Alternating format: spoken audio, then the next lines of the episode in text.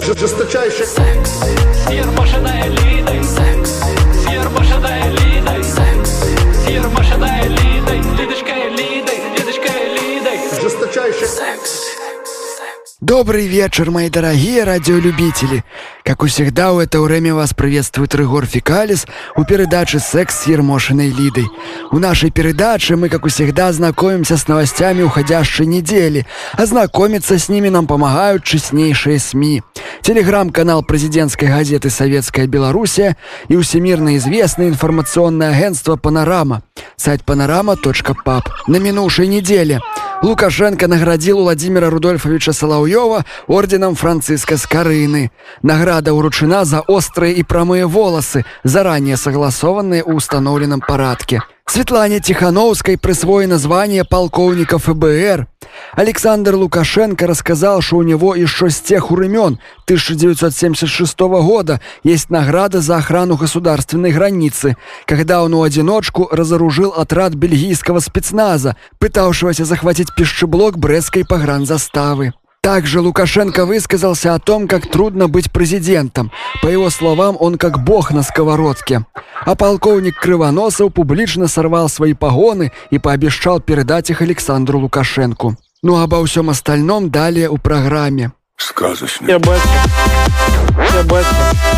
Ты, я, мы, батя. Я, мы, батя. Я батя. Я батя. Ты, я, мы, батя. Я, мы, батя. Минский городской исполнительный комитет отказал у просьбе сотрудников столичного зоопарка рассмотреть таракана Луку в качестве кандидата на выборах талисмана Минска.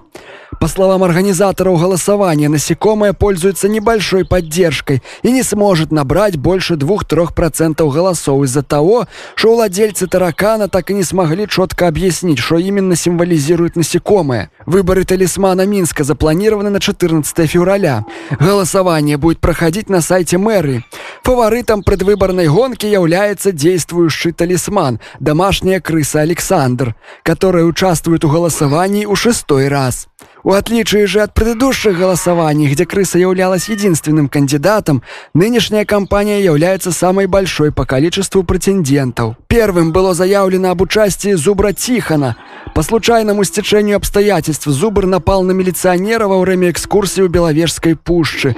Животному запретили покидать пределы заповедника и изолировали от сородичей. Следом за Зубром Тихоном было отказано у регистрации сиамскому коту Цапке. Организаторы сочли, что у родословной кота нет белорусских корней, а следовательно он не имеет права выдвигаться. Третьим незарегистрированным животным стал тигр Бабар. Во время подачи необходимых документов неожиданно выяснилось, что Бабар воровал мясо у других животных у зоопарке, и его посадили у одиночный вольер. У итоге регистрацию прошли три животных. Крыса Александр, голубь Павел и жившая в одном вольере с зубром Тихоном зубрыха Светлана. Однако у скоры у итоговом бюллетене осталось только два кандидата. Голубя Паула, имевшего около 50% поддержки по разным социологическим опросам, усыпили из-за внезапно проявившегося бешенства. Ну, что такое расскажет? Похожая ситуация произошла и у многонациональной России. Политический скандал разгорелся у российском Новосибирске, где должны были пройти выборы новогоднего талисмана города. Радикальная оппозиция выдвинула протестного кандидата, орангутана-неонациста Бату. Используя отработанные майданные технологии и методичку Шарпа, они попытались устроить электоральный переворот. У них ничего не вышло. Орангутана-неонациста Бату поместили у обезьянник. Массандру брать? Гениальный секретарь Компартии Китая Си Цзиньпин ответил, почему не пригласил Александра Лукашенко на открытие Олимпиады у Пекине. Очень жаль, но это мероприятие для официальных лиц у рангини ниже полковника, сказал лидер Китая. У этой связи президент России Владимир Путин подписал указ о присвоении Александру Лукашенко воинского звания генерал-прапорщик вооруженных сил РФ.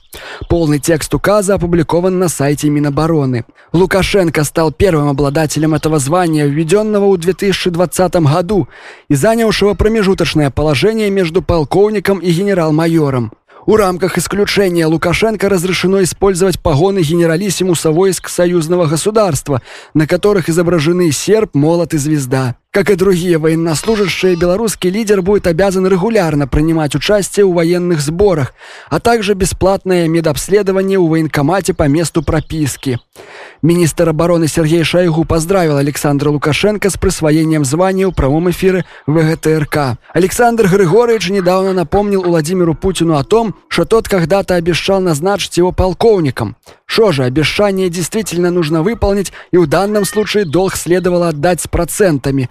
Поэтому я рад поздравить вас с присвоением звания генерал-прапорщика. Нам такие люди, как вы, нужны на Киевском фронте. Ждем вас у 9.00 с вещами у ростовском горвоенкомате, сказал Шойгу. Ну, что такое расскажет? Замглавы Россотрудничества Наталья Поклонская во время тура по странам СНГ намерена посетить местные епархии и передать им мощи святого цара Николая II. У общей сложности планируется передать им 32 пальца, 3 черепа и 18 робер императора. Мощи Николая II получат кафедральные соборы Минска, Нур-Султана, Ашхабада, Душанбе и 30 региональных городов. Для перевозки мощей госкорпорации «Поптех» был построен специальный вагон-саркофаг, у котором останки святого императора будут сохраняться благодаря иконам, окуриванию благовониями и молитвами священников. В настоящее время ведутся переговоры с мусульманскими и буддийскими общинами стран СНГ о возможности размещения останков Николая II в мечетях и пагодах. В этом случае Поклонская пообещала провести у СНГ еще одну фуру останков. Я рада, что у дружественных нам государствах не угасает интерес к святому императору Страстотерпцу. Мощи Николая самые лучшие. Они дают мира больше, и они качественнее, чем любые другие. Ни Владимир Ленин, ни Ким Ир Сен, никакие святые не могут сравниться с нашим святым царом. А если кто-то не хочет принимать у себя его мощи, есть ОДКБ, есть гиперзвук, есть много способов решать такие проблемы. С нами Бог, сказала Наталья Поклонская. Утром выпил. День свободы. Астронауты Майкл Хопкинс и Виктор Гловер должны были вернуться с МКС на Землю 9 февраля. Однако во время проверки QR-кодов при посадке на шаттл выяснилось, что оба космонавта не вакцинированы от коронавируса и отказались сдать ПЦР-тест. Они отреагировали в резкой форме на запрет покинуть космическую станцию. По их словам, если перед полетом все космонавты сдают тесты и проходят карантин, то какая-либо угроза членам экипажа шаттла отсутствует. Мы, конечно, не могли предположить, что Майкл и Виктор так безответственно поступят, подвергая опасности экипаж шаттла и сотрудников НАСА на Земле. Однако заверяю общественность, что мы не собираемся идти на уступки вне зависимости от статуса и должности сотрудника. Правило есть правило. У астронавтов будет возможность вернуться, если они сдадут ПЦР-тест, прокомментировал события на пресс-конференции глава НАСА Джим Брайденстайн. Напомним, у середине 2021 года НАСА ввело строгие эпидемиологические правила на космических кораблях. Так, перед полетом на МКС космонавты обязаны пробыть 14 дней у изоляции, а также сдать 3 ПЦР-теста. Строгие меры объясняются опасениями по поводу возможной вспышки вируса на борту МКС. Следующий полет шаттла запланирован на начало 2023 года. Массандру брать. Аким Алматы Ербалат Дасаев обратился к президенту Казахстана Касым Жамарту Такаеву с просьбой повлиять на миротворческий контингент Республики Армения, который с 5 января взял под контроль самые крупные рынки города и отказывается их покидать под предлогом борьбы с терроризмом. Военнослужащие из Республики Армения добросовестно исполнили свои обязанности в рамках миротворческой миссии ОДКБ и смогли сохранить порядок на рынках Алматы, но их пребывание в городе затянулось, особенно с учетом того факта, что их коллеги из других стран Союза, России, Беларуси, Киргизии и Таджикистана покинули территорию Казахстана. Террористическая угроза полностью устранена, и поэтому армянским военнослужащим целесообразно вернуться в места своей постоянной дислокации, приводит отрывки из обращения главы города Казахстан.нет. Десаев отмечает, что армянские миротворцы игнорируют сложившиеся столетиями в городе порядки и мнения авторитетных людей.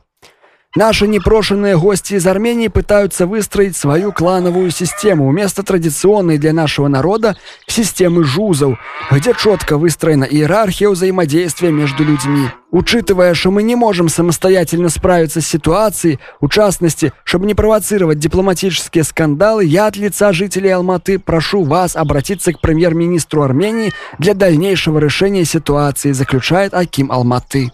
Утром выпил. День свободен. Президент Туркменистана подписал указ о запрете инфляции на территории Туркменской республики. После его уступления в силу рост цен на продукты, топливо, электричество и другие услуги для населения будет остановлен навсегда. За прошедший год Туркмения вышла у лидеры по инфляции среди стран бывшего СССР. По официальным данным она составила 9,6%. Из-за роста цен туркмены смогли возложить меньше цветок под подножию дворца Аркадага. Заметив нехватку подношений, Гурбангулы Бердымухамедов поинтересовался причинами происходящего у своих министров. Выяснил, что дело у инфляции и росте цен, Аркадах тепло рассмеялся, сел за стол, взял перо и сам от руки написал текст указа. У ближайшее время рост цен будет остановлен, а в течение полугода президент Туркменистана намерен подписать еще ряд указов, которые вернут цены на уровень 2007 года. Инфляция сейчас бич экономики во многих странах, но только Туркмения и ее мудрый вождь проявляют непоколебимую решимость в борьбе с этим явлением. Еще нигде инфляцию не запретили законодательно, а ведь это единственный действенный способ борьбы с пагубными явлениями у обществе. Скоро народ Туркмении будет процветать и благоденствовать, как у первые годы правления нашего мудрого Аркадага, сказал министр экономики Туркмении Елдыбасы Рахат Исмаилов. Вот такие новости были на этой неделе, дорогие мои. Ну и на этой ноте я вынужден попрощаться с вами. Еще больше честных новостей страны победившей стабильности и зарубежья слушайте через неделю у то же время. До новых встреч. Жесточайший Сир машина элитой Секс